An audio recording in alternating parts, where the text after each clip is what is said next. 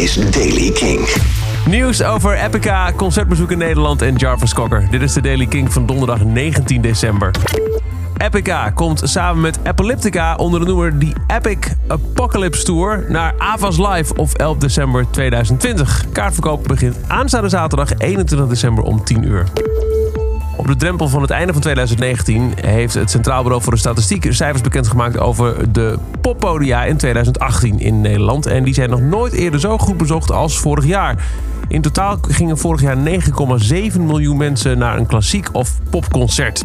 Dat is een stijging van ongeveer 6% ten opzichte van 2017. 80% van deze mensen ging naar een popconcert. In totaal werden er 20.000 concerten uitgevoerd.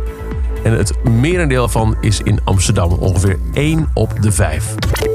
En er is weer een Facebook-campagne gelanceerd in Groot-Brittannië om een bepaalde single op nummer 1 te krijgen. In dit geval gaat het om de single Running the World uit 2006 van voormalig frontman van Pulp Jarvis Cocker.